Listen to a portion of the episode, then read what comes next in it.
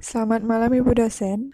Baik, saya ini Putu Sonia Pratnyotami. Di sini saya akan memberikan ulasan dari pembahasan yang telah Ibu share, yaitu permasalahan penelitian.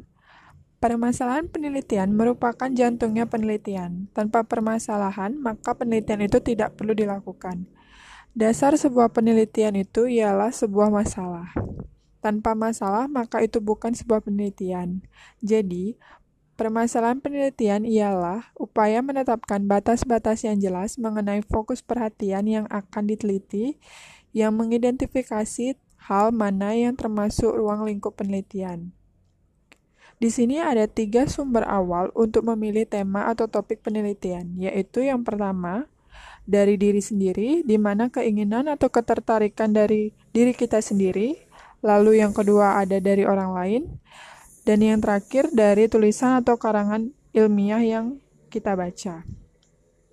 Hal terpenting dalam penelitian yaitu masalah penelitian. Ini juga bisa melakukan metode kualitatif atau metode kuantitatif. Parameter dalam penelitian yaitu menarik, ber, bermanfaat, hal baru, dapat diuji, dapat dilaksanakan, penting, dan tidak melanggar etika. Baik, mungkin sekian ulasan yang bisa saya berikan. Terima kasih.